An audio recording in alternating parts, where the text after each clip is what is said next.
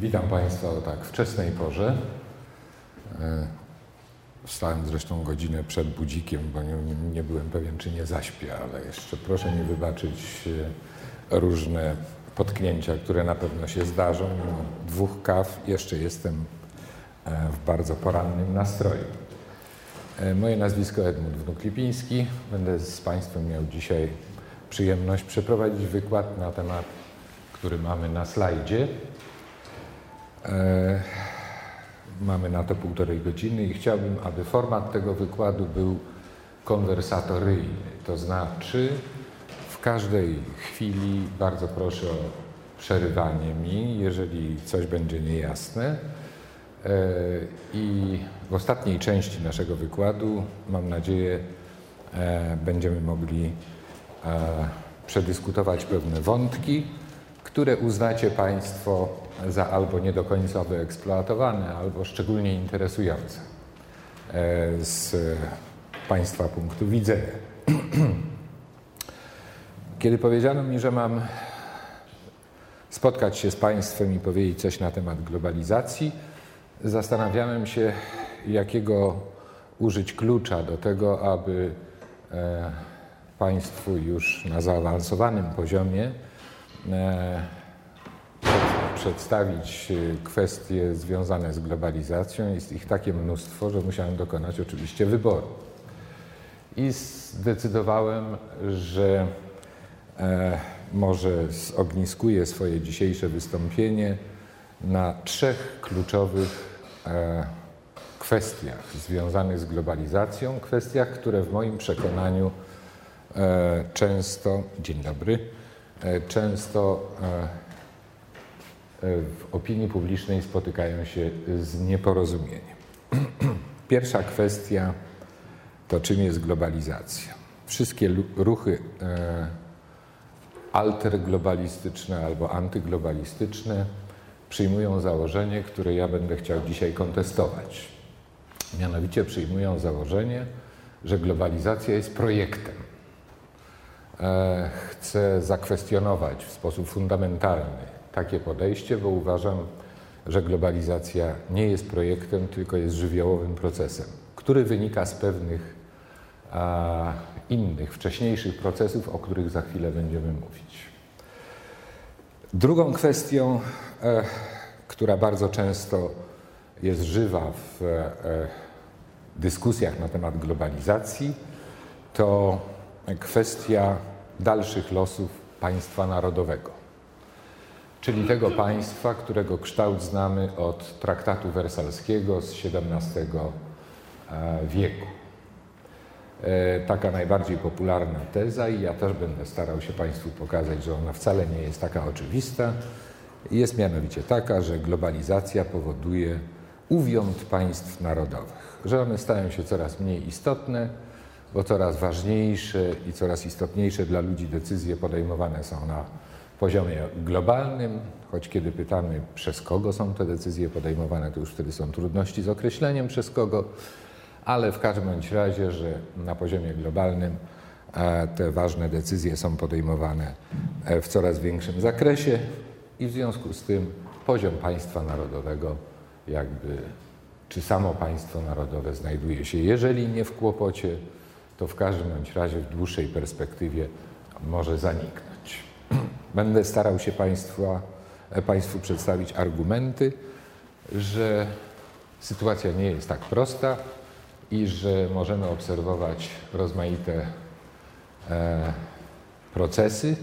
Część z nich e, prowadziłaby dokładnie do odwrotnego wniosku, że rola państw narodowych rośnie zamiast maleć, mimo narastającej globalizacji rozmaitych procesów. I wreszcie trzeci problem, o którym chciałbym powiedzieć, to mianowicie taki problem, e, czy globalizacja i demokratyzacja świata to są dwa procesy sojusznicze, jeśli tak można powiedzieć, czy też one rywalizują ze sobą. To znaczy globalizacja zabija demokratyzację lub demokratyzacja hamuje globalizację. To jest najbardziej skomplikowany proces i jemu poświęcę prawdopodobnie najwięcej czasu. No ale zobaczmy, jak wyglądać będzie nasz rozkład jazdy. E, rozpocznę od e, kwestii pojęciowych, abyśmy ustalili język naszej analizy, mówili tym samym językiem, czyli abyśmy się dobrze, krótko mówiąc, rozumieli. E, później właśnie przejdę do kwestii losów państwa narodowego, jego funkcji, bo te funkcje przydadzą nam się do tego, aby stwierdzić, czy państwo narodowe E, ulega globalizacji, czy nie ulega globalizacji. I wreszcie na końcu powiemy o zjawiskach demokratyzacji w dzisiejszym świecie. No, zacznijmy od tego, co to jest globalizacja. Oczywiście można ją definiować na bardzo różne sposoby. E, ja proponuję dla celów naszych rozważań przyjąć definicję Gidensa e, i ta definicja, właśnie w tym rozumieniu będę używał pojęcia globalizacji. E, jest to czytelne, tak? Nie, nie muszę tego czytać. Dobrze. E, Istotą tej ta definicja wydaje mi się e, chwyta istotę procesów globalizacji, a mianowicie wzrastającą współzależność zjawisk w różnych częściach świata, które wcześniej e, były niezależne e, i które odbywały się w sposób autonomiczny wobec siebie. Ta wzrastająca współzależność to jest istota globalizacji. Nie jest to może współzależność tak daleko idąca, jak w tym słynnym paradoksie motyla, którego skrzydła wywołują e, w Brazylii, poruszanie skrzydłami wywołuje tajfun e, w Azji dalekowschodniej. Może tak ścisła zależność to nie jest, ale jednak ta zależność istnieje i wzrasta. I to jest dowiedzione empirycznie. Ale nie tylko chodzi o samą zależność w sensie przyczynowo-skutkowym. Chodzi także o wzrastającą wśród ludzi świadomość rzeczy dziejących się w czasie realnym na całym świecie. To też jest element globalizacji, który narasta.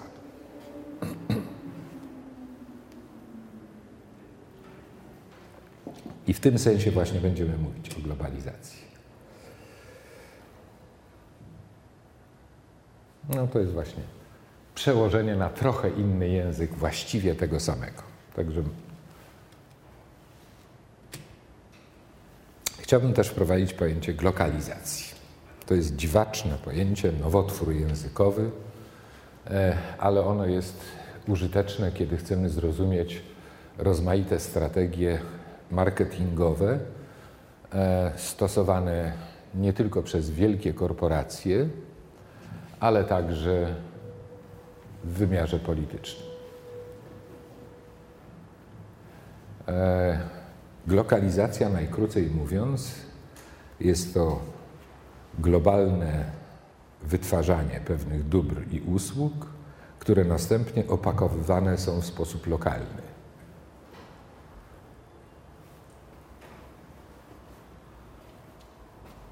tak aby lokalne rynki nie traktowały tego jako czegoś obcego ze świata, tylko jako coś swojego. Zobaczycie Państwo, że te procesy glokalizacji prowadzą do pewnego paradoksu. Otóż wydaje się, że globalizacja kwestionuje tradycję, kwestionuje w ogóle lokalność, ale glokalizacja wywołuje procesy dokładnie odwrotne dla lokalizacji, lokalna tradycja i lokalność generalnie jest potrzebna. Łatwiej sprzedawać samochody, które nazywają się jakoś tak miejscowo, łatwiej sprzedawać, łatwiej sprzedawać jogurty czy inne produkty wytwarzane w sposób globalny, e, na lokalnych rynkach, jeżeli one odwołują się do lokalnych tradycji. W, jakim, w jakiś sposób. I są oswajane przez tę lokalną tradycję.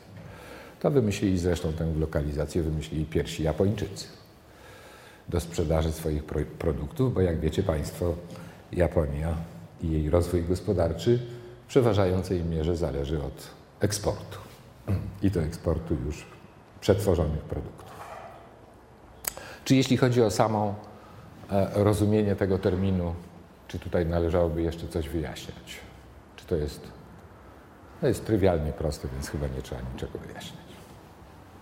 Prawda? Chyba, że trzeba. Nie trzeba. Dobrze. I chcę jeszcze w tej warstwie pojęciowej e, zaproponować Państwu do analiz taki bardzo użyteczny schemat czy typologię Wallersteina albo Wallersteina. Różnie się wymawia to nazwisko w zależności od tego, czy wymawia się po niemiecku czy po angielsku. E, on podzielił cały świat na trzy e, rejony. Na trzy rejony. I ta typologia będzie nam bardzo przydatna, kiedy już będziemy mówili o realnym świecie, a nie tylko o abstrakcyjnych pojęciach. Pierwszy e, rejon to jest rdzeń. Rdzeń globalizacji. To jest zespół tych państw narodowych, które rozdają karty, mówiąc kolokwialnie. E, jak Państwo myślicie, jakie elementy porządku światowego, czyli jakie państwa narodowe zaliczałyby się do tego rdzenia? Stany Zjednoczone, oczywiście, tak, przede wszystkim, ale jakie jeszcze? Słucham? E, Japonia, tak, mówi się o takiej triadzie. E, Stany Zjednoczone, Kanada, e, Japonia i Unia Europejska. Ale, ale ta triada stopniowo, stopniowo zaczyna być anachroniczna, dlatego że przynajmniej w sensie gospodarczym pojawia się nowy potężny aktor czy gracz globalny, który zaczyna trzymać w kieszeni nawet Stany Zjednoczone.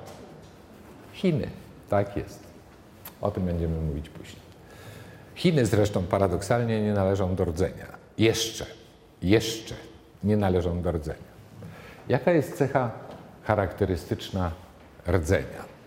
Co ma również konsekwencje dla samego przebiegu globalizacji.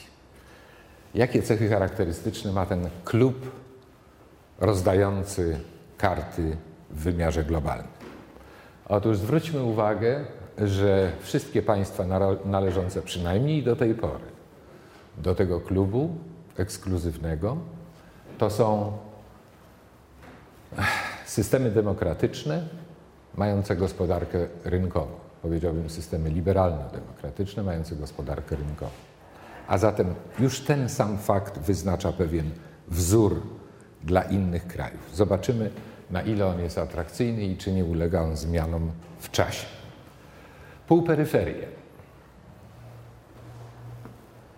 Jak myślicie, gdzie, państw, e, gdzie Polska jest tutaj na, na, na, w tej typologii? Tak, nale, należy do półperyferii. Generalnie pamiętacie Państwo przed, może nie pamiętacie, przynajmniej nie, nie wszyscy pamiętają, bo to było dawno, to było co najmniej 20 lat temu, a może jeszcze dawniej. E, pamiętacie Państwo przed upadkiem e, systemu komunistycznego? Świat dzielono na, też na trzy e, rejony. Był to tak zwany e, trzeci świat, e, czyli to były te kraje najbiedniejsze. Był to, nie nazywano nigdy tego drugim światem, ale był to obóz krajów miłujących postęp i pokój, czyli światowy system komunistyczny. I wreszcie był to tak zwany wolny świat, czyli liberalne demokracje z gospodarką rynkową. Po upadku systemu komunistycznego ten tak zwany drugi świat, czyli państwa należące do tej kategorii, w tym Polska, e, stały wobec bardzo dramatycznego wyboru. Czy zostaną zepchnięte na peryferię światowego systemu, zwłaszcza gospodarczego, ale także politycznego, czy też będą starały się utrzymać swój status półperyferii i podwyższać go tak, aby aspirować do krajów rdzenia. No, wiecie Państwo, że zakończyła się ta zakończyła się ta historia niejednakowo dla wszystkich krajów wychodzących z systemu komunistycznego. Niektóre z nich już zaliczają się do rdzenia. Jeśli patrzeć na produkt krajowy brutto w przeliczeniu na jednego mieszkańca, i takim krajem jest na przykład Słowenia, która kiedyś była częścią Jugosławii, niektóre grawitują w kierunku rdzenia i do takich krajów zalicza się, e, zaliczają się kraje e, Wyszehradzkiego Porozumienia, czyli Polska, Czechy, Węgry i Słowacja, a niektóre kraje spadły do kategorii peryferie. I do takich krajów zaliczylibyśmy przede wszystkim republiki kaukaskie, które wyłoniły się z e, rozpadu ZSRR, ale także Białoruś, Ukrainę. E, Ukraina teraz ciężko walczy o to, aby e, przejść do kategorii półperyferii. Polska z tego punktu widzenia lokuje się dość dobrze. E, nie będę Państwu tutaj przytaczał tych danych, bo je można bardzo łatwo znaleźć w rozmaitych źródłach, ale generalnie biorąc, rzeczywiście grawitujemy głównie dzięki pomocy Unii Europejskiej do rdzenia. Ale jeszcze w nim nie jesteśmy. Jeszcze w nim nie jesteśmy. E, no a teraz, co to jest państwo narodowe? Część z Państwa, a może wszyscy, wiedzą, że pojęcie suwerenności e, w jego dzisiejszym rozumieniu, choć już dzisiaj jest to pojęcie e, anachroniczne i zaraz będę o nim mówił, że to pojęcie suwerenności zrodziło się w wyniku traktatu wersalskiego. E, traktatu westfalskiego, przepraszam. Te schematu myślowe i poranek to powoduje czasami disaster. E, otóż e, porozumienia traktatu westfalskiego, który kończył bardzo wyniszczającą i długą wojnę, jak wiemy, e, były takie, że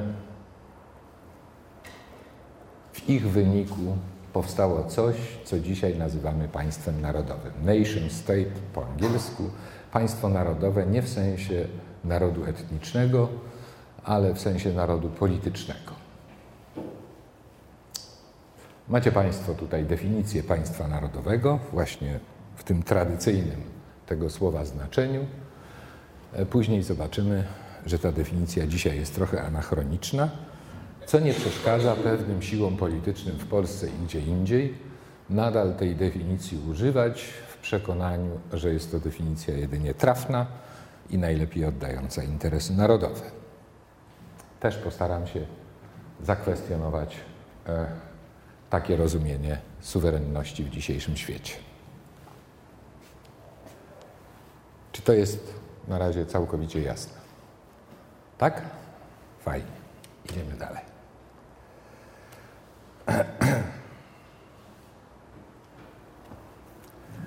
Za chwilę pokażę Państwu slajd pokazujący zmiany geopolityczne świata w ostatnim stuleciu i być może przynajmniej dla części z Państwa będą to informacje zaskakujące.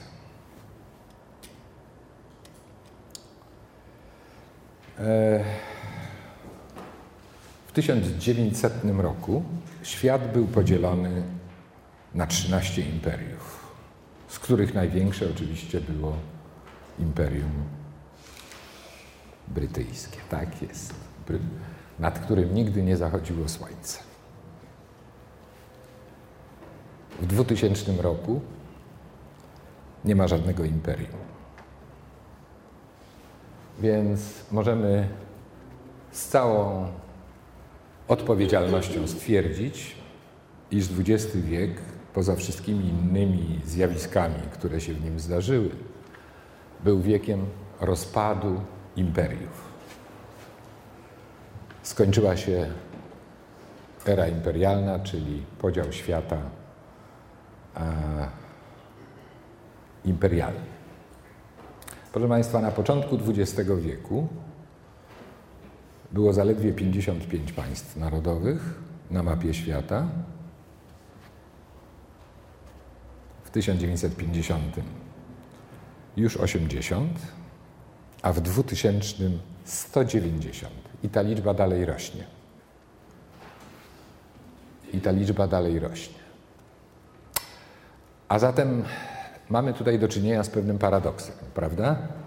Rośnie liczba państw narodowych, a zarazem e, postępuje globalizacja, czyli ro, rośnie współzależność pomiędzy różnymi segmentami e, czy różnymi aktorami zbiorowymi działającymi wewnątrz państwa narodowego, e, czyli mamy do czynienia z paradoksem polegającym na tym, że wzrasta, wzrasta, wzrasta liczba tych konstrukcji, które nazywamy państwami narodowymi, a zarazem e, w coraz większym stopniu zależą one od innych państw narodowych i w coraz mniejszym stopniu mogą one odwoływać się do westfalskiego rozumienia suwerenności. To jest jakiś taki paradoks, który czymś się skończy. Jeszcze nie wiadomo czym, ale czymś się skończy. E, zaraz będziemy mówili o e, nowym rozumieniu suwerenności wynikającym już z karty Narodów Zjednoczonych, e, o czym często zapominają nasi politycy, że Polska ratyfikowała tę kartę Narodów Zjednoczonych i że, i że powinniśmy to rozumienie suwerenności przyjmować również w naszej e, polityce zagranicznej, ale zanim do tego dojdzie, chciałbym jeszcze jedno rozróżnienie wprowadzić. Mianowicie rozróżnienie, trochę widzicie tu Państwo echo tego poperowskiego podziału na społeczeństwa zamknięte i społeczeństwa otwarte, ale e, dotyczy to trochę czego innego, bo tutaj desygnatem są państwa narodowe. I chciałbym wprowadzić e, pojęcie zamkniętego i otwartego państwa narodowego. Ta zamkniętość czy otwartość państwa narodowego mierzona jest jego relacją z resztą świata. Relacją albo ekonomiczną, albo polityczną, albo wreszcie relacją społeczeństw zorganizowanych w określone państwo narodowe z innymi społeczeństwami, które należą do innego państwa narodowego. I kiedy popatrzymy na te 190 państw narodowych, to możemy zauważyć, że układają się one w takie kontinuum od kompletnie zamkniętego państwa narodowego, aż do bardzo otwartego. Jakie to by było kompletnie zamknięte? No właśnie tu mamy definicję tego kompletnie zamkniętego. No a kompletnie otwarte, takiego kompletnie otwartego państwa oczywiście nie mamy na mapie świata, bo to jest typ idealny w sensie weberowskim, kompletnie otwartego państwa narodowego. A w takim państwie status obywatela, formalny status obywatela byłby równie łatwy do zdobycia jak kupno, nie wiem, zapalniczki czy pudełka zapałek. Wiemy, że takiego państwa nie ma. Ale niektóre państwa dość mocno zbliżają się do tego modelu. No mamy takie kontinuum wśród tych 190 państw. Na jednym z kraju państw zamkniętych, czy prawie kompletnie zamkniętych, jakie państwo byśmy usytuowali? Dokładnie. Dokładnie. Ponieważ Korea Północna istnieje, bardzo często właśnie używamy jej jako przykładu e, takiego typu idealnego e, systemu totalitarnego i państwa narodowego zamkniętego. Ale chyba też nie można powiedzieć, że Korea Północna jest w pełni autarkiczna, w związku z czym nie w pełni wypełnia znamiona. Oczywiście nie jest, to, nie jest to wypełnienie kompletne typu idealnego, ale ona jest najbliżej. Powiedziałbym na skraju spośród empirycznie obserwowanych państw narodowych, ona jest chyba na skraju. Nie ma chyba państwa narodowego, które by było bardziej zamknięte niż Korea Północna. E... No a ten drugi skraj,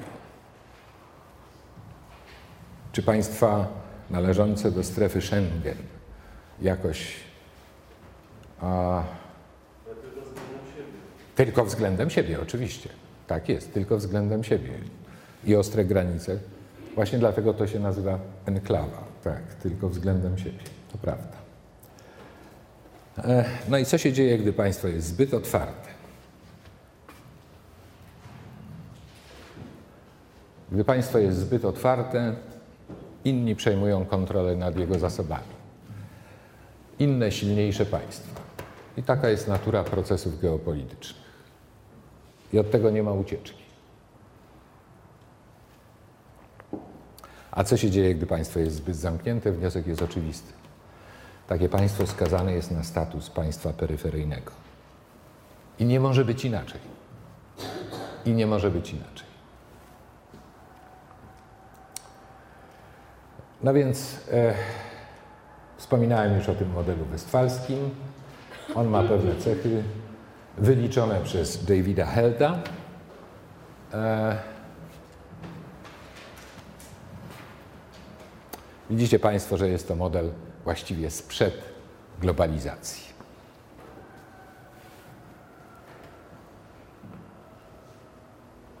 I niektórzy politycy do dziś myślą, że ten model obowiązuje.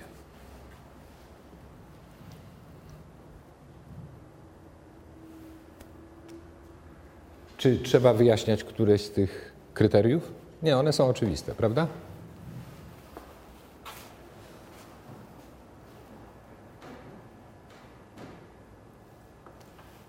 Oczywiste, prawda? Mogę jechać dalej? Jeszcze mam strasznie dużo Państwu do powiedzenia.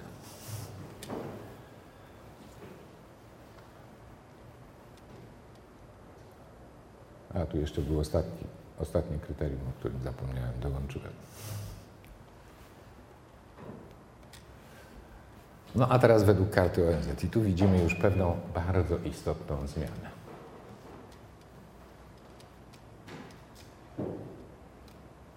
Jaka to jest zmiana? Czy ktoś ją zauważy?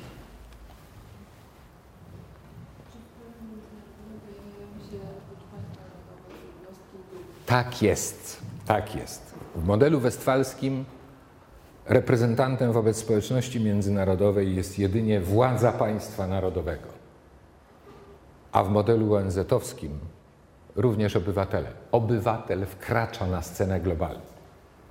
To jest fundamentalna różnica. I ta fundamentalna różnica ma bardzo istotne konsekwencje. E, mianowicie pojęcie suwerenności zmieniło zasadniczo swoją treść, bo suwerenność nie może oznaczać, że władcy określonego państwa narodowego mogą bezkarnie, powołując się na e, suwerenność państwa narodowego, mordować swoich obywateli. Gdzie po raz pierwszy e, w imię praw obywatelskich e, pogwałcono suwerenność rozumianą w sensie westfalskim. W Norymberdze, tak, ale w sensie, no, to był wynik wojny, ale w sensie takiej, takiej ingerencji militarnej w celu osłony obywateli poddanych władzy, która to władza ich e, zabijała. No w Jugosławii, w czasie czystek etnicznych. Przecież wojska NATO korzystały z modelu karty ONZ-u jako prawomoc, e, e, legitymizacji swoich militarnych działań wobec Serbii. To jeszcze wcześniej chyba podczas pierwszej wojny Też, też, ale to było najbardziej spektakularne, bo całe NATO, cały sojusz militarny podjął decyzję o e, środkach militarnych, które mają za zadanie ochronę, zresztą z dość mizernym, jak wiemy, skutkiem, niestety, e, wobec nieskuteczności misji e, ONZ-owskich, a zwłaszcza holenderskich, e, które nie zapobiegły masakrze w Srebrenicy, NATO podjęło decyzję o ingerencji w wewnętrzne sprawy obcego państwa narodowego w celu ochrony jego obywateli, czyli tego państwa narodowego obywateli, na tej podstawie. Czy to jest działanie e, mechaniczne, które stosuje się wszędzie, na całym świecie? Oczywiście, że nie. Oczywiście, że nie. A my znamy przykłady, gdzie obywatele są mordowani i społeczność międzynarodowa nie reaguje w ogóle. Jakie to są przykłady?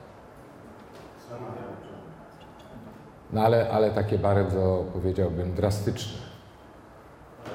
Korea Północna, znowu Korea Północna. E, przecież tam e, z głodu już zginęło kilka milionów osób. Nikt dokładnie nie wie tak naprawdę ile, bo statystyki są niedostępne, a zewnętrzne obserwacje też tego nam nie e, są w stanie uzmysłowić. A dlaczego nie ma tam interwencji?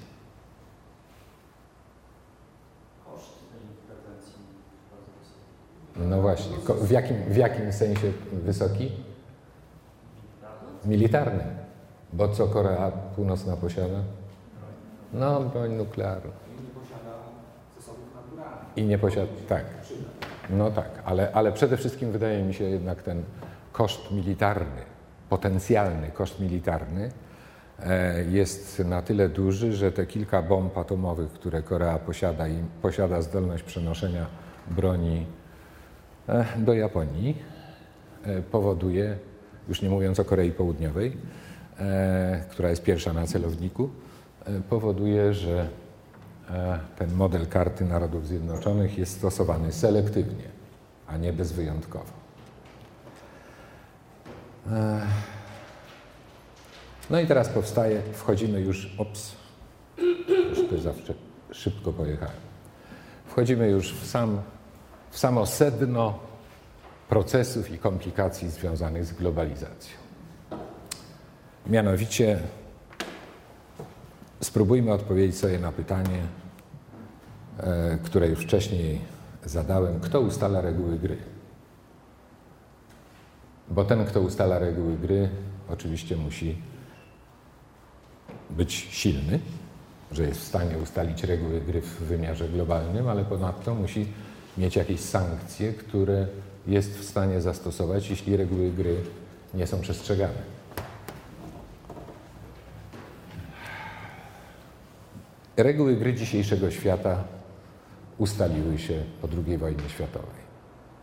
E, podstawą normatywną tych reguł gry oczywiście było słynne e, założycielskie zebranie w San Francisco, które było zebraniem założycielskim Organizacji Narodów Zjednoczonych, ale nie samo powołanie Organizacji Narodów Zjednoczonych było tutaj istotne, bo jak wiemy Organizacja Narodów Zjednoczonych w większym stopniu jest klubem dyskusyjnym a w mniejszym stopniu ciałem, które podejmuje jakieś wiążące wszystkich decyzje.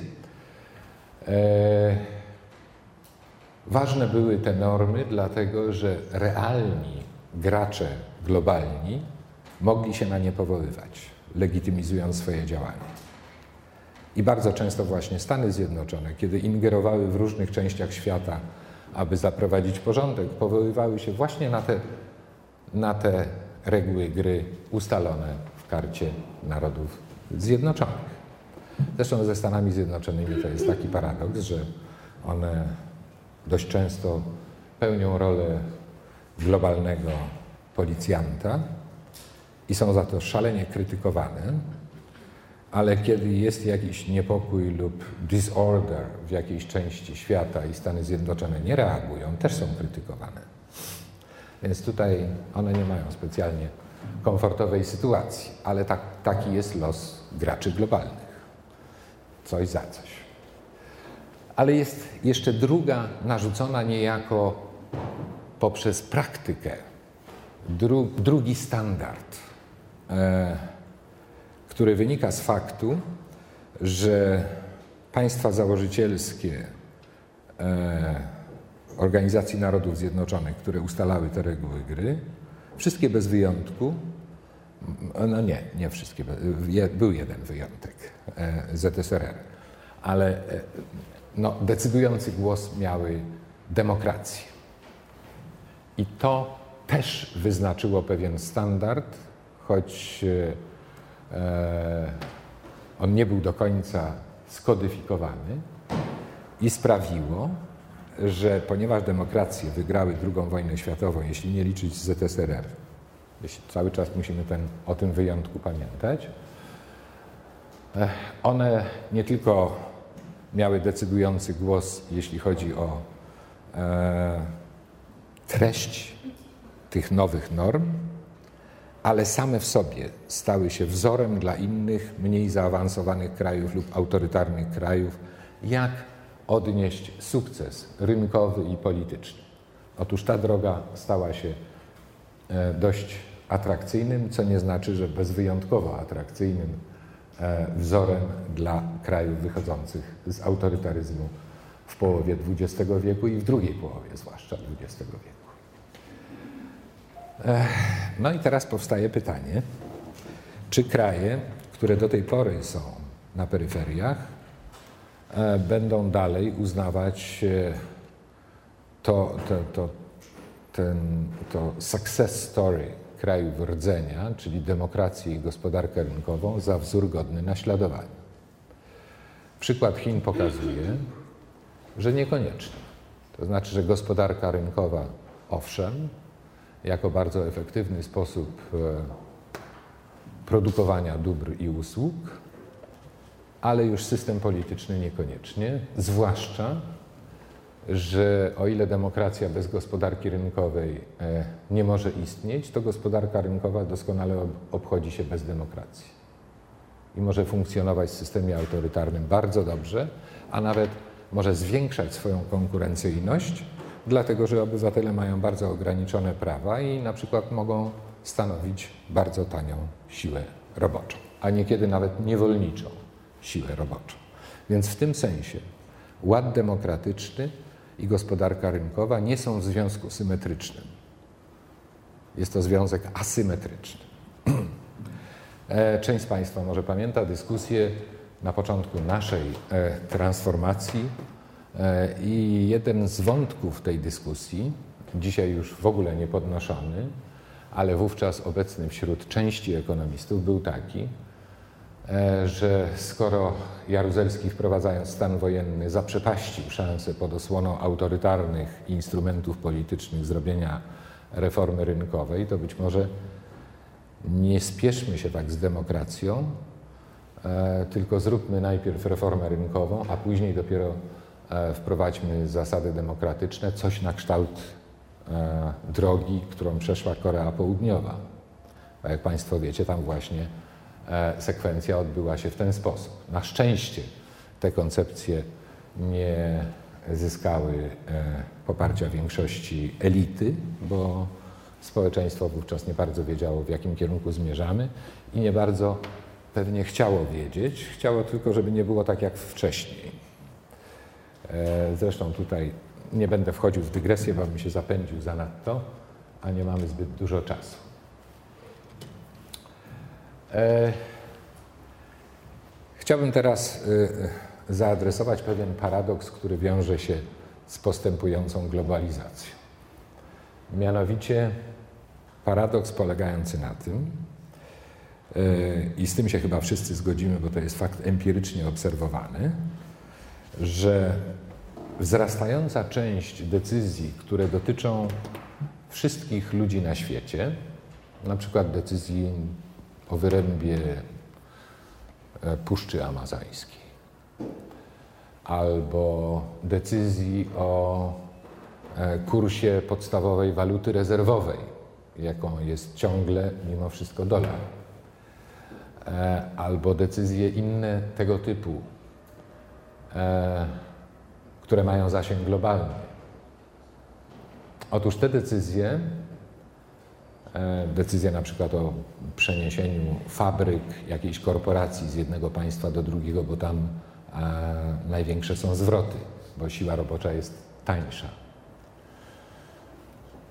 Otóż te decyzje są podejmowane, mają wpływ na losy życiowe czy szanse życiowe ogromnych rzesz ludzi na całym globie, ale nie ma mechanizmu rozliczania odpowiedzialności za te decyzje. Nie ma tego, co się po angielsku nazywa accountability. Znacie Państwo ten termin y, y, y, z języka angielskiego. To jest podstawowy mechanizm demokratyczny i podstawowym instrumentem e, e, weryfikacji odpowiedzialności są wybory w mechanizmie demokratycznym. W ten sposób realizuje się accountability. Politycy cały czas wiedzą, że mandat, który mają z demokratycznego wyboru, nie jest dany raz na zawsze, tylko będzie podlegał weryfikacji. I takim podstawowym instrumentem weryfikacji są właśnie wybory, konkurencyjne wybory. I na poziomie państw narodowych ta accountability, czyli odpowiedzialność za podejmowane decyzje, przede wszystkim polityczna odpowiedzialność za podejmowane decyzje, jest dość dobrze ulokowana, bo ten mechanizm dość dobrze działa przy wszystkich jego wadach, ale działa. Działa. Na poziomie globalnym nie mamy czegoś takiego. Nie mamy. A zatem decyzje podejmowane na poziomie globalnym są podejmowane albo e, e, z accountability, która dotyczy tylko części e, ludzi, jak na przykład decyzje podejmowane przez prezydenta Stanów Zjednoczonych, który jest na mocy definicji graczem globalnym, ale on odpowiada nie przed całym światem. On odpowiada przed swoimi wyborcami, czyli przed Amerykanami. albo mm, korporacja, nie wiem, Microsoft, która lokuje swoje fabryki w miejscach, e, które przynoszą jej największe zwroty i stara się e, redukować konkurencyjność na rynku produktów IT. To też są decyzje o charakterze globalnym, bo jest to korporacja globalna. Ale przecież e, ci, którzy podejmują te decyzje w Microsoftie, odpowiadają tylko w stosunku do swoich akcjonariuszy. Reszta nie ma nic do powiedzenia. Więc widzicie Państwo, że pojęcie accountability w odniesieniu do graczy globalnych albo w ogóle nie ma sensu, albo dotyczy populacji, które stanowią zaledwie część populacji, które czują skutki tych decyzji. I ten problem narasta w miarę narastania globalizacji. Ten problem narasta.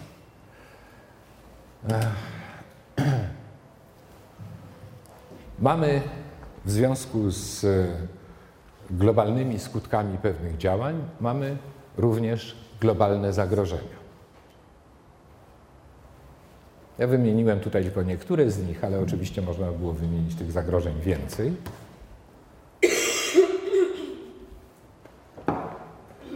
I powstaje kwestia, kto powinien z tymi zagrożeniami walczyć. Bo walka z zagrożeniami zawsze pociąga za sobą koszty. Prawda? E, spotkałem się z rozmaitymi projektami rozwiązania tego, tego, e, tej kwestii. E, Większość, właściwie wszystkie one były przynajmniej na razie utopijne. Później powiemy o tym, co to znaczy myślenie utopijne w, wymiarze globalnym, ale spotykałem tam również takie propozycje rozwiązań, które, e, które przynajmniej dzisiaj wydawać się nam mogą śmieszne. Coś, co nazwałem transgranicznymi elektoratami. E, z tych propozycji wynikało, przygotowanych zresztą przez dość radykalne ugrupowania, raczej usytuowane po lewej stronie, czyli e, e, sceny politycznej, z tych propozycji wynikało, że właściwie prawo głosu w konkurencyjnych wyborach politycznych powinni mieć wszyscy ci, których decyzje tego polityka będą dotyczyć. Czyli praktycznie rzecz biorąc, prezydenta Stanów Zjednoczonych powinni wybierać wszyscy ludzie na świecie. On podejmuje suwerenną decyzję o tym, czy interweniować gdzieś militarnie i e, nawet jeżeli istnieje zagrożenie wojny globalnej. E, no jest globalnym graczem, więc były również takie paradoksalne, e, paradoksalne projekty i te transgraniczne elektoraty miały być remedium na ten problem zanikającej accountability wobec wzrastającej wagi decyzji podejmowanych w wymiarze globalnym. Od razu powiem, od razu powiem, że nie ma tu dobrej odpowiedzi. Łatwo jest krytykować i pokazywać utopijność rozmaitych pomysłów, ale to nie oznacza, że problem znika, bo problem jest realny, poważny i będzie coraz bardziej realny i coraz bardziej poważny. E, później zastanowimy się, jakie są skutki, jakie są skutki e, wzrastającej wagi decyzji podejmowanych na szczeblu ponadnarodowym dla demokracji, która jest usytuowana na szczeblu e, państwa narodowego i jest dobrze dopasowana do państwa narodowego. Powiemy, że będę mówił głównie oczywiście o pewnych e, kłopotach e, demokracji związanych właśnie z tym procesem. Ale teraz zastanówmy się nad tym problemem, który wcześniej już zasygnalizowałem, a mianowicie, czy wobec wzrastającej wagi decyzji podejmowanych poza strukturami państwa narodowego, na poziomie wyższym, albo regionalnym, albo globalnym, czy mamy do czynienia ze zmierzchem państwa narodowego? Są nawet tacy teoretycy, którzy uważają, że do połowy e, bieżącego wieku państwa narodowe znikną, a te, które będą, będą reliktem e, zamierzchłej epoki. E, ja uważam, że ci entuzjaści końca państwa narodowego formułują swoje wnioski przedwcześnie.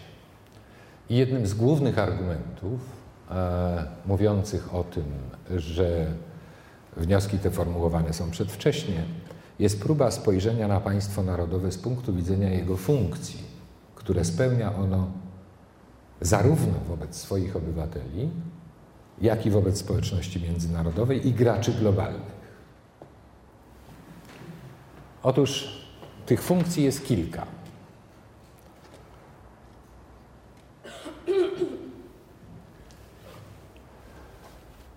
Funkcje polityczne.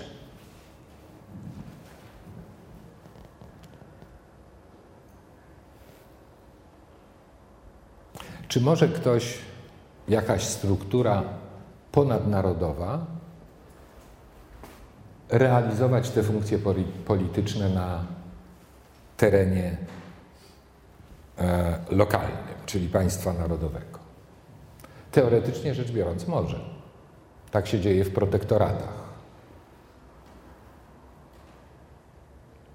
Tak się dzieje w protektoratach, prawda? Ale wówczas już nie jest to państwo narodowe, nie jest to niepodległe państwo narodowe, bo znika to napięcie pomiędzy suwerennością rozumianą na sposób westfalski, a e, egzekwowaniem takich kwestii jak e, egzekwowanie prawa, czy regulowanie statusu obywatelskiego, czyli decydowanie o tym, kto może być obywatelem, a kto nie może być obywatelem. E, ale nade wszystko funkcja polityczna oznacza, że źródło legitymizacji rozmaitych struktur ponadnarodowych, czy korzenie prawomocności rozmaitych struktur ponadnarodowych tkwią w państwie narodowym. Bo państwo narodowe ma mechanizm, zwłaszcza jeżeli to jest państwo demokratyczne, ma mechanizm wyłaniania reprezentacji, które mają silny mandat prawomocności, który może być delegowany na poziom wyższy, jak to się dzieje w Unii Europejskiej na przykład. Państwo narodowe spełnia również bardzo ważne funkcje ekonomiczne. I tu nie chodzi o nawet, a nie chodzi przede wszystkim o politykę, e, powiedziałbym, narodową politykę ekonomiczną. Z punktu widzenia globalizacji, czyli tych globalnych aktorów ekonomicznych, chodzi o to, aby państwo narodowe zapewniało na lokalnym rynku pracy spokój i stabilność reguł gry, obliczalność. Tak by można było układać sensowne biznesplany i obliczać, czy jest warto tam inwestować, czy nie warto. Z tego punktu widzenia e, oczywiście jest kwestią absolutnie drugorzędną dla e, ekonomicznych graczy globalnych, czy państwo narodowe ma charakter demokratyczny, czy autorytarny. Bo o co innego im chodzi? Im nie chodzi o prawa, im nie chodzi o prawa obywatelskie, im chodzi o stabilne reguły gry, e, przewidywalność i spokój społeczny. A to zapewniać może również system autorytarny.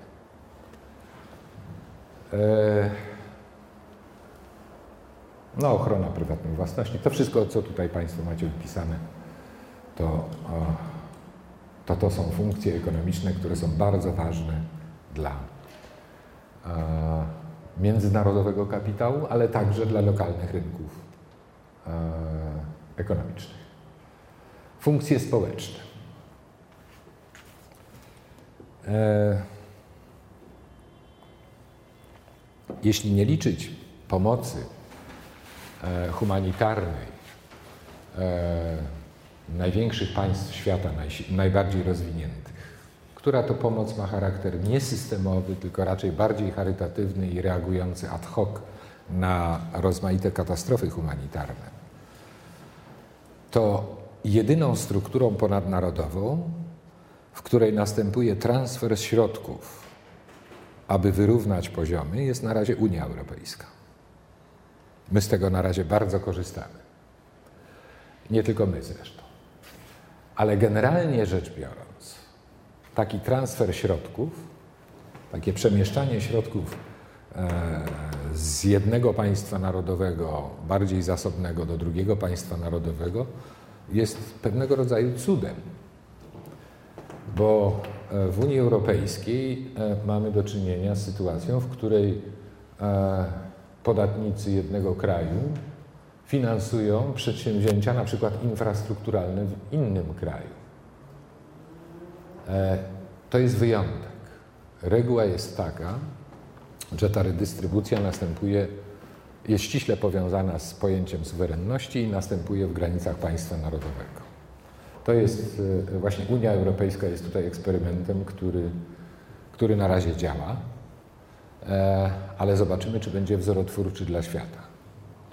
Na razie działa, mimo kłopotów z Grecją, które ostatnio mamy, e, ciągle to działa. Dobrze. Funkcje kulturalne.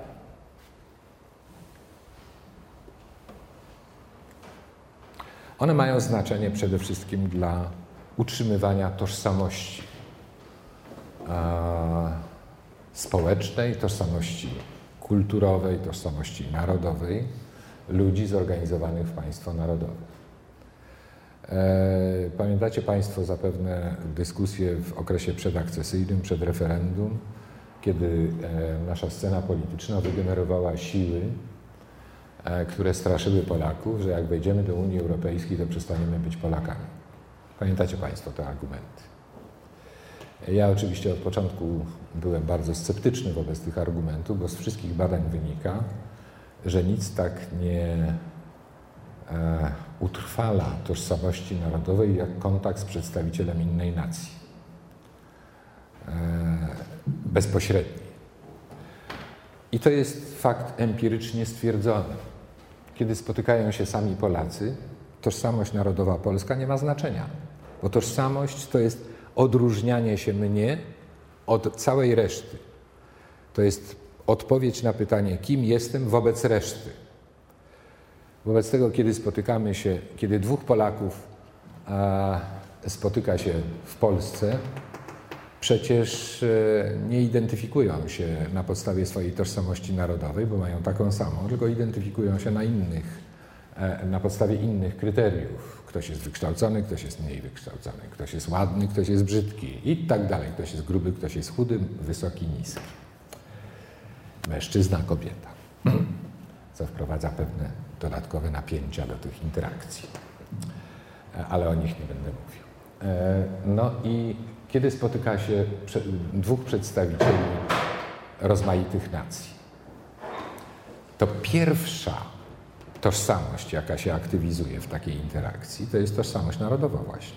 Jeżeli spotykam się z Niemcem, to zanim się dowiem, czy to jest dobry czy zły człowiek, czy to jest e, e, no, kobieta, mężczyzna, to od razu widać, to nie muszę się dowiadywać, ale w każdym razie czegoś więcej, co mogłoby określać jakąś jego tożsamość społeczną, czy któryś z wymiarów jego tożsamości społecznej, to pierwsze nastawienie jest takie, że oto Polak spotyka się z Niemcem. I co uruchamia we wstępnym etapie tej interakcji cały zestaw stereotypów, których jesteśmy skłonni dać wiarę.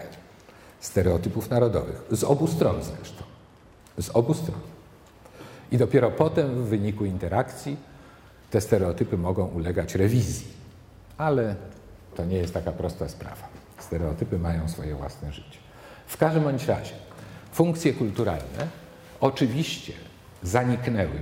E, funkcje kulturalne oczywiście sprzyja, e, sprzyjają konserwowaniu tożsamości, bo tożsamość nie jest człowiekowi dana raz na zawsze, a zwłaszcza międzypokoleniowa transmisja tożsamości, co widzimy w przypadku małżeństw mieszanych, gdzie tożsamość narodowa e, jednego z rodziców może zaniknąć, jeżeli drugi rodzic jest silniejszą osobowością w tym związku i kiedy rozmawia się w domu, kiedy językiem komunikacji jest język jednego, jednej narodowości, a nie drugiej. No ale te funkcje kulturalne, w tym przodują zresztą w Unii Europejskiej Francuzi, jak Państwo wiecie, e, choć inne kraje też mają swoje e, instytuty Goethego, instytuty Mickiewicza czy British Council, aby te funkcje kulturalne nie tylko konserwować, ale również rozwijać. E, więc te funkcje kulturalne mają bardzo istotne znaczenie i nie sądzę, żeby mogły być spełniane przez struktury powyżej państwa narodowego, bo one mają już inne spojrzenie. Wniosek z tego krótkiego przeglądu funkcji państwa narodowego płynąłby taki. Nie wiem, czy się Państwo z nim zgodzicie, bo wniosek jest dość odważny. Że dopóki dla ludzi ważne będą właśnie te funkcje, to te funkcje spełnia jak na razie najlepiej państwo narodowe. Struktury narodowe mogą oczywiście te funkcje też spełniać, ale będą one tak oddalone od zwykłego człowieka, te, te właśnie struktury, że e, realizacja tych funkcji może być zakłócona. Jak na razie państwo narodowe te funkcje spełnia możliwie dobrze. Ale żeby jeszcze coś powiedzieć na obronę państw narodowych, włączmy do naszych rozważań problem demokracji, liberalnej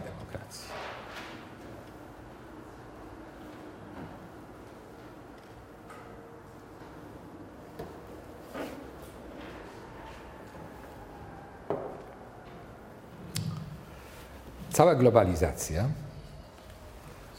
rozpoczęła się od ekspansji kapitału, bo rozwój gospodarczy i technologiczny okazał się tak szybki, że granice państwa narodowego stały się gorsetem, który trzeba było przełamać, aby nie zahamować rozwoju. E, pierwszy to właśnie kapitalizm przekroczył granice państwa narodowego no, to jest takie dość duże uproszczenie, dlatego że tak naprawdę, ale nie chcę Państwa wprowadzać w te wszystkie e, meandry globalizacji, tak naprawdę mieliśmy do czynienia z trzema falami globalizacji. My jesteśmy w tej chwili w trzeciej fali globalizacji.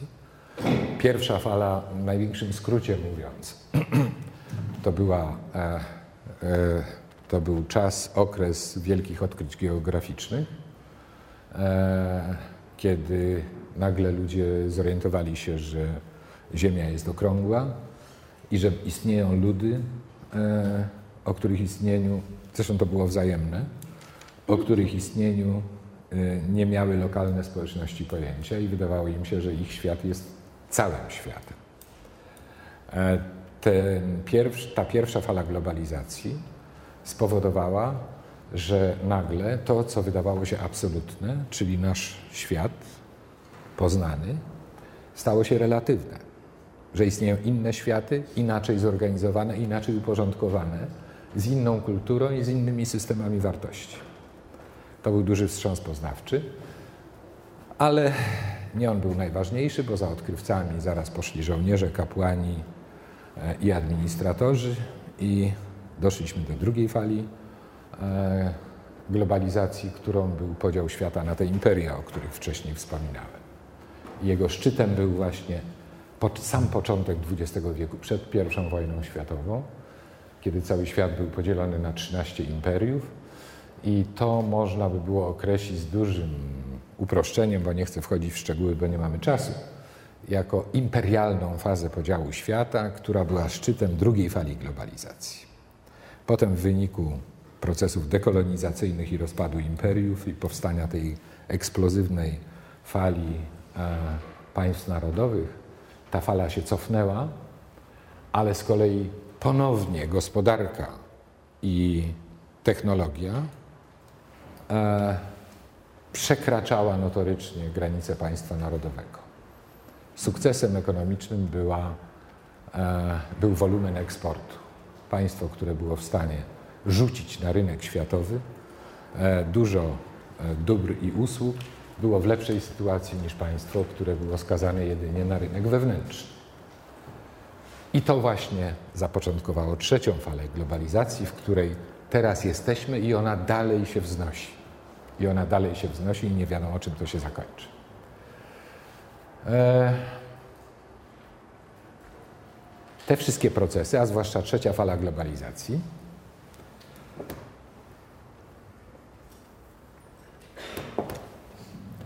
wprowadziła czy sprowadziła pewne kłopoty na liberalną demokrację.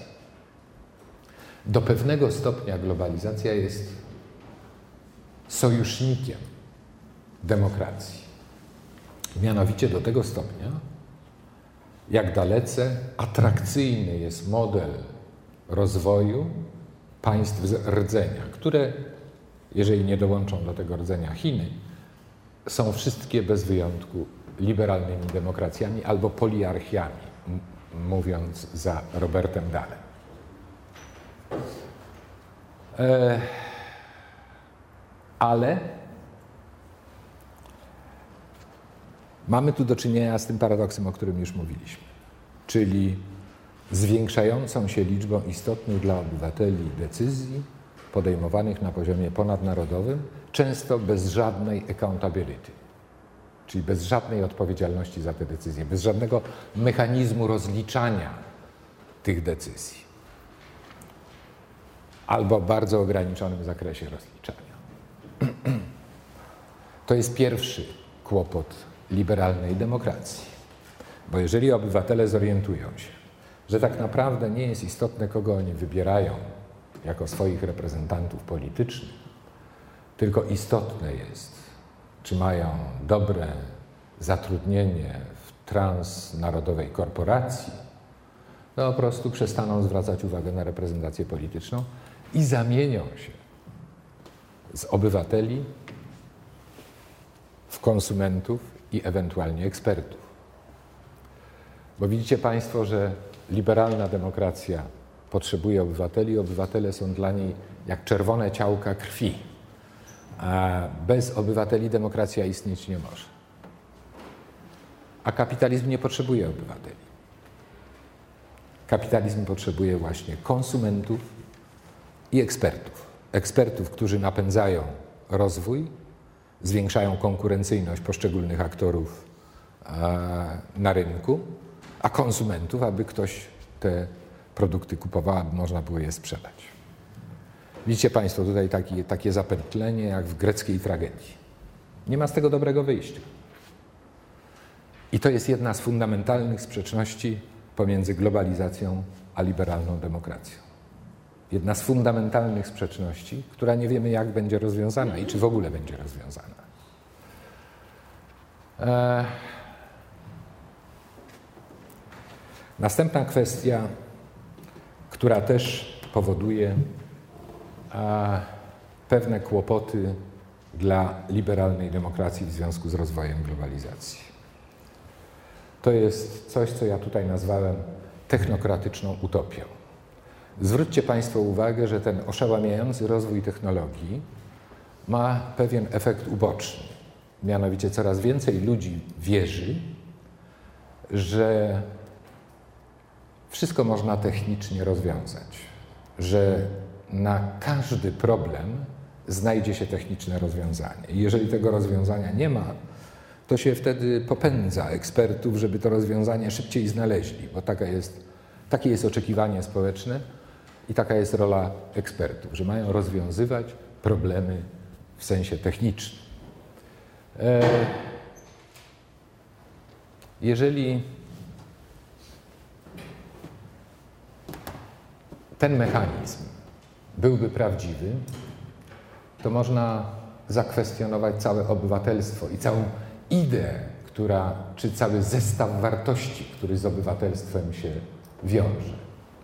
Otóż nie byłoby ważne to, że człowiek jest wolny i może tę wolę wyrażać w akcie, w aktach politycznej ekspresji na scenie publicznej.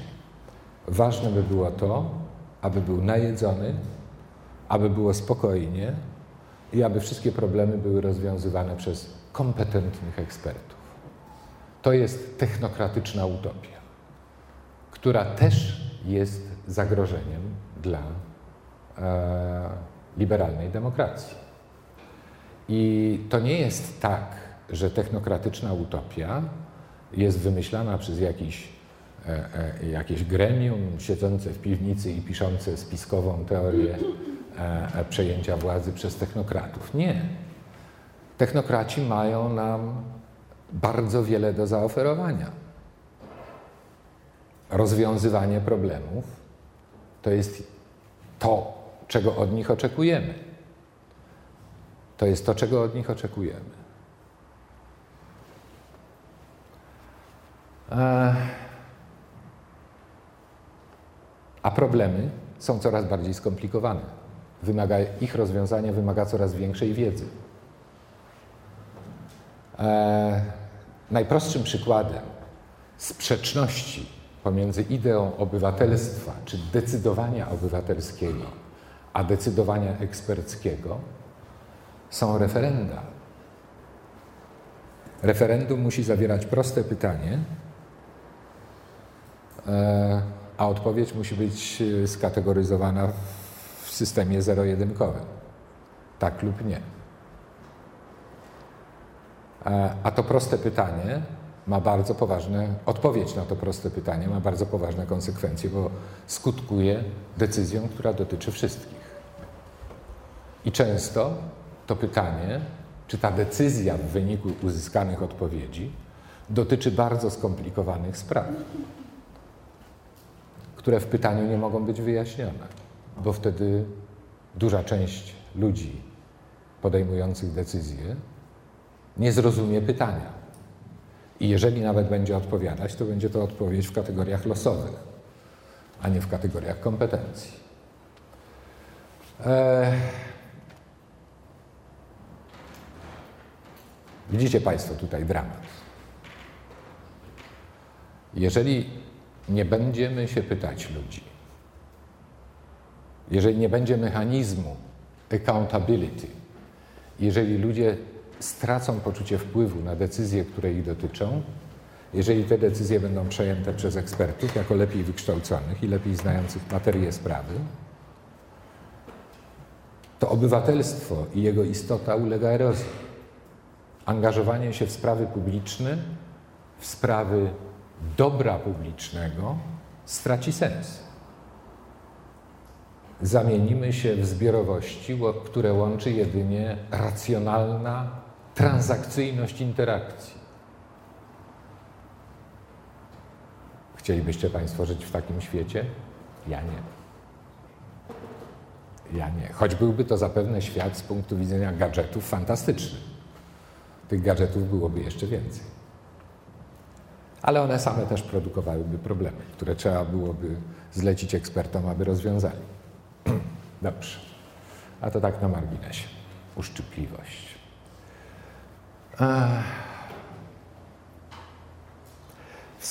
Wcześniej stwierdziliśmy, ojej, już tylko mam 20, niecałe 20 minut. Wcześniej stwierdziliśmy, a jeszcze obiecałem Państwu na koniec interakcyjną część, więc e, postaram się mm, e, dotrzymać słowa, choć na 100% tego nie gwarantuję. E, w części wcześniejszej powiedzieliśmy, że obywatel jest jak czerwone działka krwi dla organizmu człowieka. Tym jest obywatel dla demokracji. Jeżeli coraz większa część decyzji podejmowana jest na szczeblu globalnym, to powstaje problem globalnego obywatelstwa. Czy coś takiego w ogóle jest możliwe do pomyślenia? Jak obywatel świata, który ma prawo a, ekspresji politycznej i wyrażenia swoich preferencji w stosunku do decyzji o charakterze globalnym. Strasznie utopijnie to brzmi, prawda? Strasznie utopijnie. E, ale mamy w tej chwili do czynienia z czymś, co można było nazwać właśnie takim paradoksem pomiędzy zakresem działania społeczeństwa obywatelskiego, a skutkami decyzji, globalnymi skutkami decyzji podejmowanymi albo przez państwa narodowe, które są globalnymi graczami, albo nawet przez struktury ekonomiczne i inne, które nie są państwami narodowymi, ale ich skutki mają równie istotne znaczenie dla szans życiowych obywateli w różnych zakątkach świata. Czyli mamy do czynienia z czymś, co można było nazwać, tutaj nie ma dobrego, dobrego określenia polskiego, ale po angielsku można by było to nazwać global governance, nie, nie władza w sensie power, w sensie wyboru czy, czy lidera światowego, tylko władza w sensie reguł gry, e, które jakoś regulują e, światowy, e, światowe areny, czy globalne areny ekonomiczne, polityczne i inne. A z drugiej strony mamy społeczeństwa obywatelskie, które są ograniczone do państwa narodowego.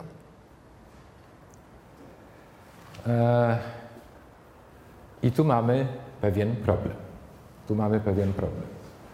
E, są już tacy teoretycy, e, też tacy, ja ich nazywam entuzjastami, e, którzy jak widzą początek jakiegoś trendu, uważają, że on będzie trwał dalej i, i prostą ekstrapolacją dochodzą do wniosków, moim zdaniem, przedwczesnych. A więc są tacy teoretycy, który, którzy mówią, że to, co obserwujemy obecnie w skali globalnej, to jest początek tworzenia się globalnego społeczeństwa obywatelskiego i argumentem, którym się posługują, aby tę tezę jakoś uzasadnić, to Brytyjczycy zwłaszcza celują i Amerykanie w tego typu teoriach, aby tę tezę uzasadnić, to jest to, że pewne inicjatywy obywatelskie przekroczyły granice państwa narodowego i przekształciły się w struktury o charakterze globalnym, co jest prawdą. Mamy Greenpeace, mamy Amnesty International, mamy kilka tego typu inicjatyw, które starają się funkcjonować w wymiarze globalnym i starają się być jakąś przeciwwagą dla jakiegoś aspektu działalności sił e, graczy globalnych. Proszę bardzo.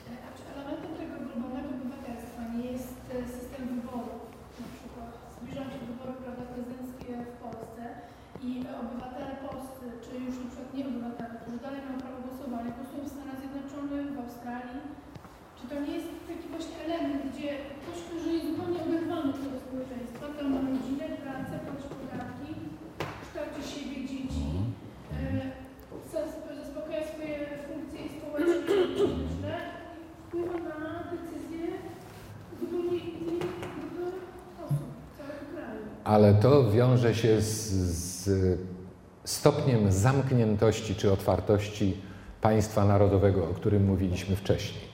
Otóż jedną z e, esencjalnych prerogatyw e, e, władzy wygenerowanej na poziomie państwa narodowego jest zdefiniowanie, kto jest obywatelem tego państwa. I bywają, jak wiecie Państwo, bardzo rozmaite definicje, od definicji ściśle etnicznych do definicji, w których naród określa się w kategoriach politycznych. My w Polsce mamy definicję obywatelstwa, która jest mieszanką tych dwóch kryteriów. I dlatego emigranci czy potomkowie Polaków mogą głosować, ale nie mogą głosować inni, którzy na przykład chcieliby poczuwać się do e, identyfikacji z Polską, ale nie są w stanie udowodnić żadnych korzeni polskości. E, więc to jest ciągle prerogatywa państwa narodowego. I ja bym tego nie wiązał z e, globalizacją obywatelstwa, tylko raczej z włączaniem diaspory w obręb państwa narodowego, bo jednak tym kluczowym graczem decydującym o tym, kto może być w klubie, a kto nie, jest państwo narodowe. Ale to nie zwalnia nas jakby z e, kwestii, nie, nie daje odpowiedzi na pytanie, e, no, jak rozwiązać ten dramatyczny problem accountability e, tych, którzy podejmują decyzje na poziomie ponadnarodowym. Jak ich rozliczać?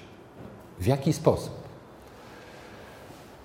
Żeby jeszcze bardziej skomplikować, bo to jest bardziej zaawansowany już e, program, żeby jeszcze bardziej skomplikować obraz, trzeba również sobie odpowiedzieć na pytanie, czy sama liberalna demokracja jest uniwersalnym e, wynalazkiem, czy, też jest produktem kulturowym. I tu już tak płynnie wejdę, jeszcze mam kilka e, slajdów, ale tak płynnie wejdźmy w interakcyjną część naszego, naszego spotkania. Jak Państwo myślicie, czy liberalna demokracja to jest pro, produkt partykularny określonej kultury, czy też są to zasady uniwersalne, które nie mają ładunku kulturowego w sobie?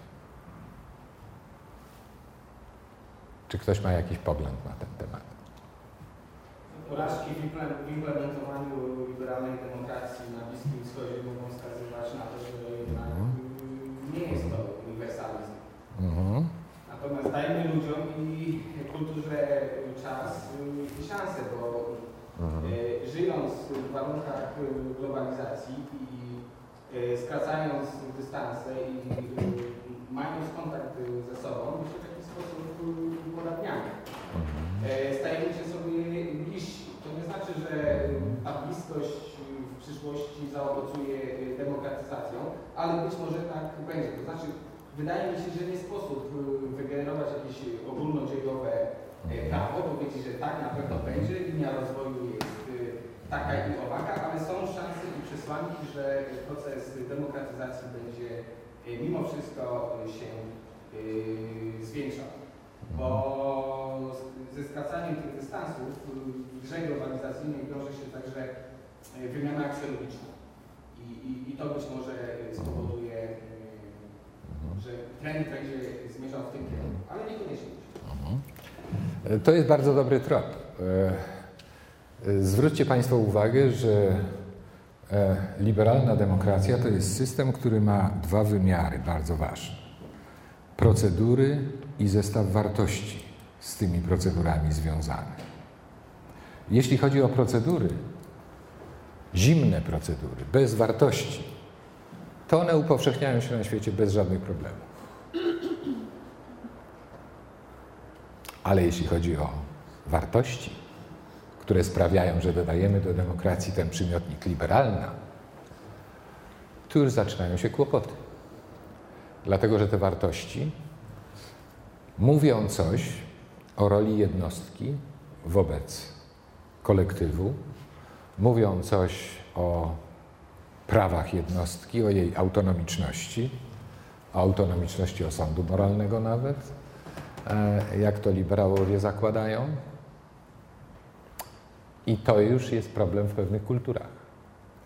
Dlatego mamy do czynienia ze zjawiskami, kiedy przy pomocy procedur demokratycznych do władzy mogą dochodzić siły skrajnie antyliberalne.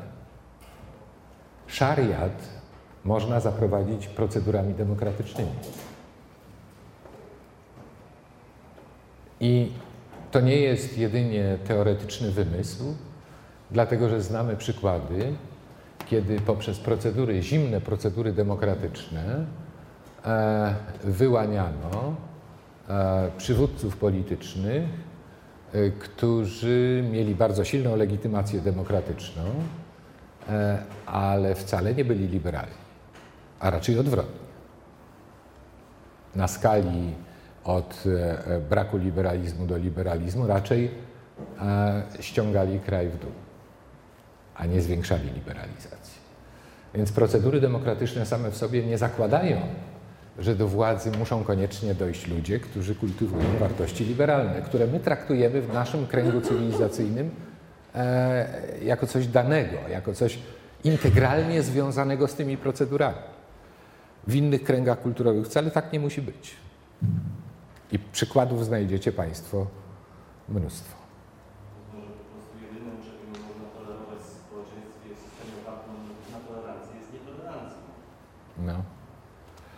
Ach, jeżeli mówimy o tolerancji, to jeszcze dochodzimy do innego problemu, mianowicie do problemu granic tolerancji.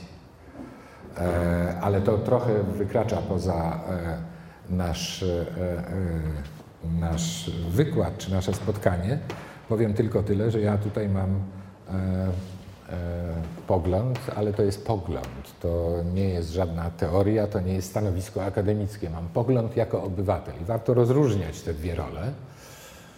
E, mam pogląd jako obywatel, który mniej więcej można było sformułować tak oto, że e, tolerancja bez granic prowadzi do swojego przeciwieństwa. Tolerancja musi mieć granice i musi mieć bardzo silny składnik moralny. E, bo tolerancja bez granic oznacza absolutny indyferentyzm. Nic nas nie obchodzi. Niech każdy robi co chce. Również zło. Więc e, tolerancja musi mieć granice. A kontrowersja w ustalaniu tych granic polega na tym, że nie ma jednolitej definicji dobra i zła. No i tu właśnie zaczynają się problemy, ale to jest w ogóle inny problem inny problem. Odchodzimy, zjeżdżamy z wątku. E, chcę Państwu teraz pokazać bezradność rozmaitych teorii, które usiłują złapać determinanty pojawiania się e, liberalnych demokracji z gospodarką rynkową. E, macie tutaj Państwo takie rozmaite związki przyczynowo-skutkowe, które wyłapałem z literatury przedmiotu i jak widzicie, one wszystkie nie mogą być prawdziwe. Jedne z tych teorii zakładają, iż jeżeli mamy liberalną demokrację, prowadzi to nieuchronnie do rozwoju kapitalizmu. E, jeszcze inne teorie zakładają, że jeżeli mamy rozwój kapitalistyczny, to to nieuchronnie musi skończyć się liberalną demokracją, bo ludzie, kiedy są najedzeni, kiedy czują się w sensie socjalnym bezpieczni, zaczynają odczuwać tęsknoty wolnościowe. I to byłby przypadek Chin. To, ta teoria, jeśli jest prawdziwa, to powinniśmy oczekiwać, że w Chinach nastanie wcześniej czy później e, liberalna demokracja i studenci z placu Tiananmen, którzy zostali zamordowani w czasie masakry, będą mieli historycznie rację. E, inne teorie mówią, że potrzeba pewnej kultury obywatelskiej. Najpierw, aby powstały siły społeczne, które są w stanie wygenerować liberalną demokrację. Jeśli nie ma tej kultury obywatelskiej, liberalna demokracja nie jest w stanie się pojawić, bo nie ma na czym się oprzeć. E, ale są też teorie, które mówią dokładnie coś wręcz przeciwnego. Wprowadźmy liberalną demokrację, nawet siłą. I ludzie nauczą się demokracji nauczą się być obywatelami. I to jest przypadek Iraku. I to jest przypadek Iraku. Nie mogę wchodzić w szczegóły, bo każde z tych Każde z tych, każda z tych teorii wymagałaby odpowiedniego e, komentarza. Teraz złapmy byka za rogi. A w teoriach, które e, przejrzałem, można wyodrębnić trzy z grubsza, trzy podejścia do tego, jak rozwiązać problem accountability aktorów globalnych.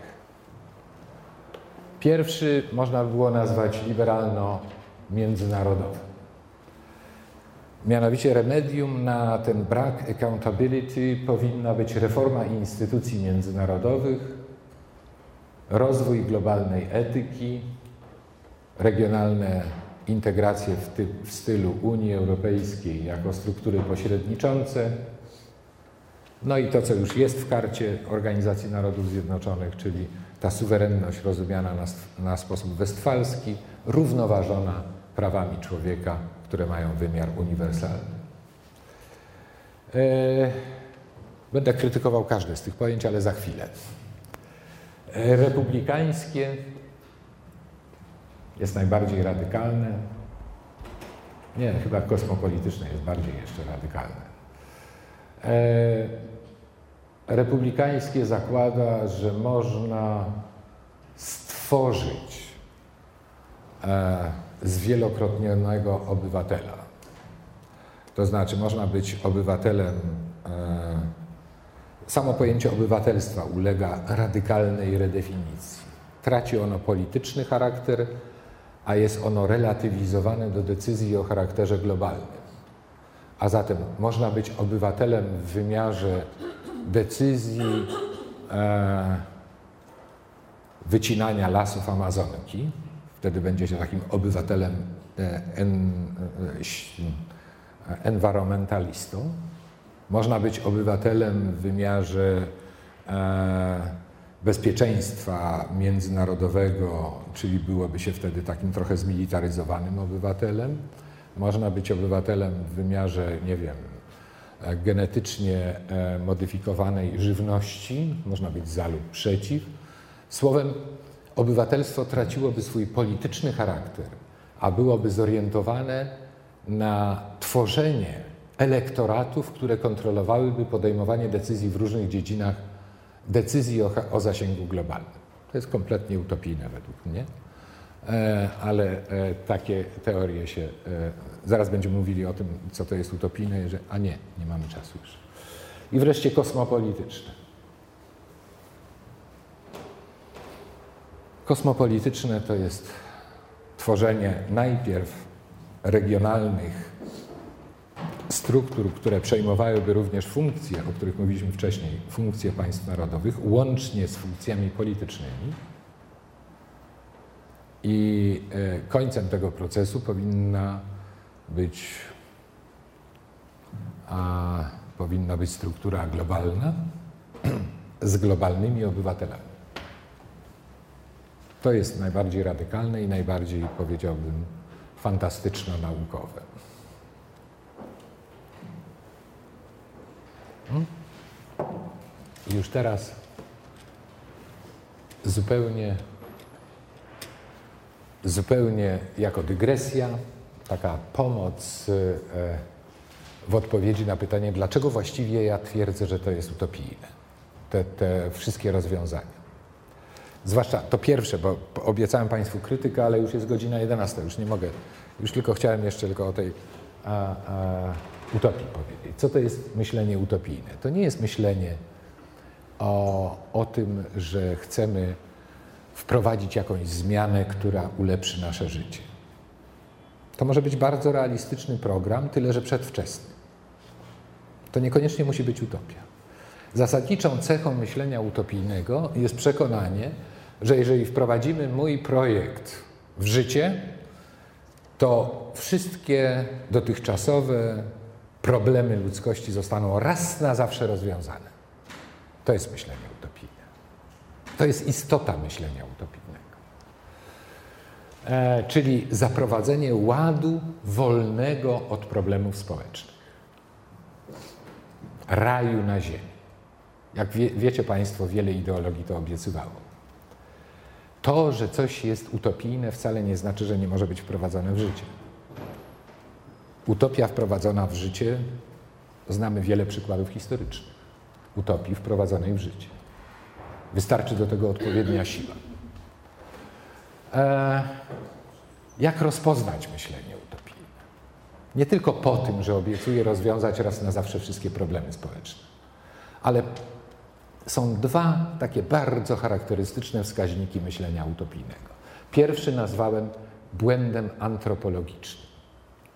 Otóż, aby program, który ma wyeliminować wszystkie problemy społeczne, mógł być wprowadzony w życie, potrzebujemy nowego człowieka. Człowiek musi ulec radykalnej przemianie. Z tym zepsutym człowiekiem nie jesteśmy w stanie tego zrealizować. To jest błąd antropologiczny. To nazywam w skrócie błędem antropologicznym. W Kambodży, jak wiecie Państwo, wymordowano kilka milionów ludzi, dlatego, bo nie, to byli ludzie, którzy nie pasowali do programu, który miał być wprowadzony w życie. To jest błąd antropologiczny, ale jest również błąd socjologiczny.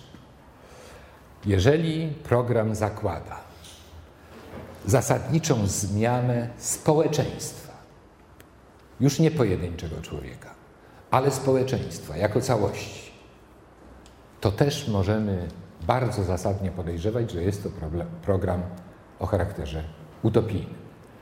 Przystosować się do niego musi całe społeczeństwo. W tym sensie te wszystkie wielkie utopie okresu odrodzenia, niektórzy z Państwa je czytali, wiedzą, wiedzą Państwo, ci, którzy te utopie czytali, zresztą bardzo fascynujące obrazy społeczne, wiedzą o tym, że społeczeństwo musiało być całkowicie inne. Na przykład inna y, y, zasada podstawowej komórki społecznej, jaką jest rodzina. Może w ogóle rodziny nie. Y, bywały takie utopie, w których w ogóle